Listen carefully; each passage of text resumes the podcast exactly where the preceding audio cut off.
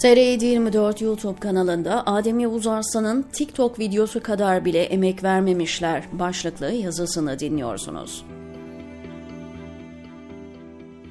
Malumunuz TikTok, Instagram ve Facebook'ta Hakan Fidan rüzgarı esiyor. İsteseniz de istemeseniz de hamaset yüklü fidan güzellemelerine maruz kalıyorsunuz. Ciddi bir emek ve efor harcandığı belli olan videolara bakılırsa Fidan dünyaya yön veren bir istihbarat ve devlet başkanı.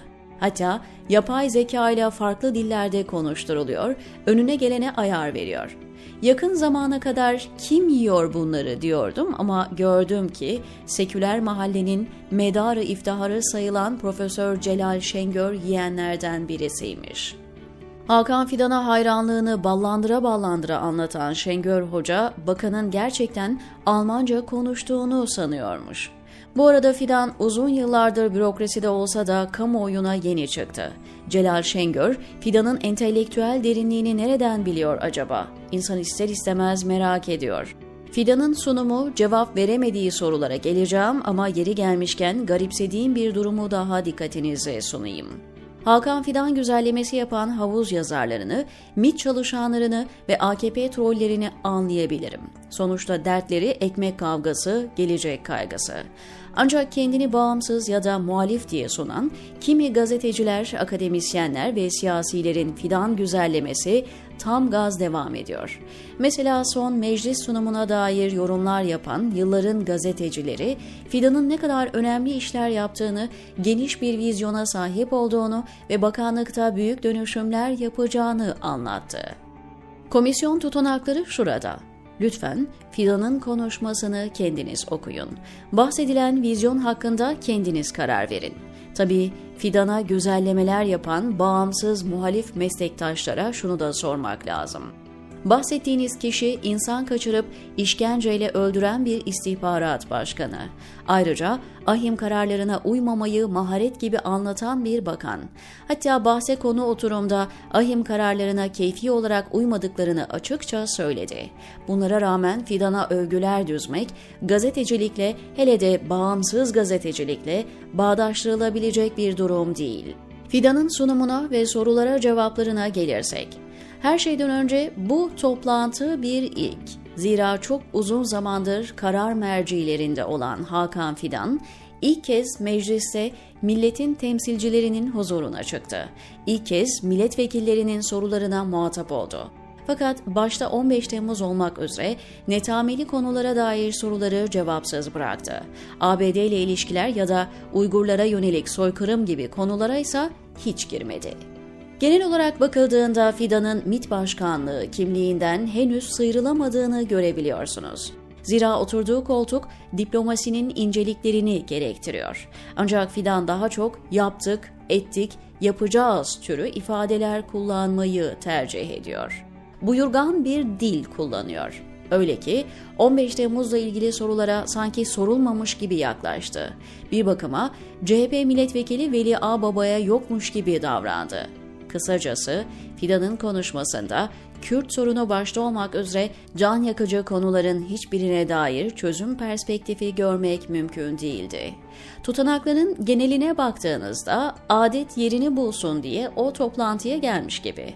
Ne elle tutulur bir perspektif var ne de vekillerin sorularına doyurucu bir cevap. Dediğim gibi Fidan ya kendini hala istihbarat başkanı sanıyor ya da gerçek fikirleri böyle. Mesela ahim kararlarına uymamaya dair siyasallaştırılan davaya verilecek cevap da siyasal olur ifadesi tam bir skandal.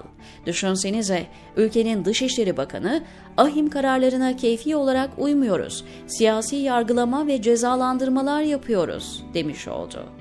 Bu bölüm Fidan'ın demokrasiye bakışına dair fikirler veriyor.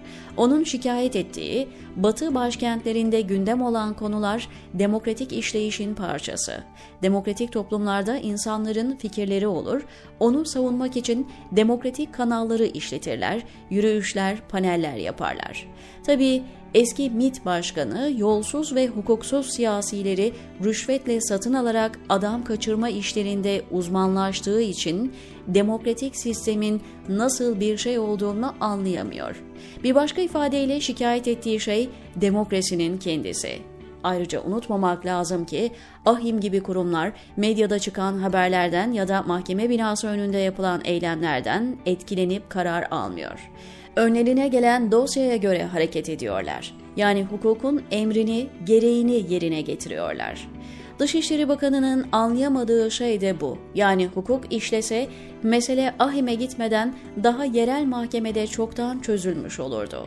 Gelelim en can alıcı noktaya. CHP'li Veli Ağbaba Fidan'a 15 Temmuz soruları yöneltti. Böylece Fidan ilk kez meclis çatısı altında 15 Temmuz'a dair sorularla yüzleşmiş oldu. Aslında Ağbaba'nın soruları rejim söyleminin çok dışında bile değildi ama o kadarı bile Fidan'ı rahatsız etmeye yetti. Sanki Ağbaba böyle sorular sormamış gibi davrandı. Tek kelime etmedi.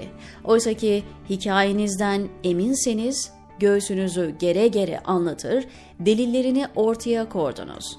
Aslında 15 Temmuz'a dair hiçbir şey bilmeseniz bile Hakan Fidan'ın, Hulusi Akar'ın, Yaşar Güler ve Sadık Üstün'ün meclis ve mahkemelerden kaçırılması size failler hakkında fikir verebilir.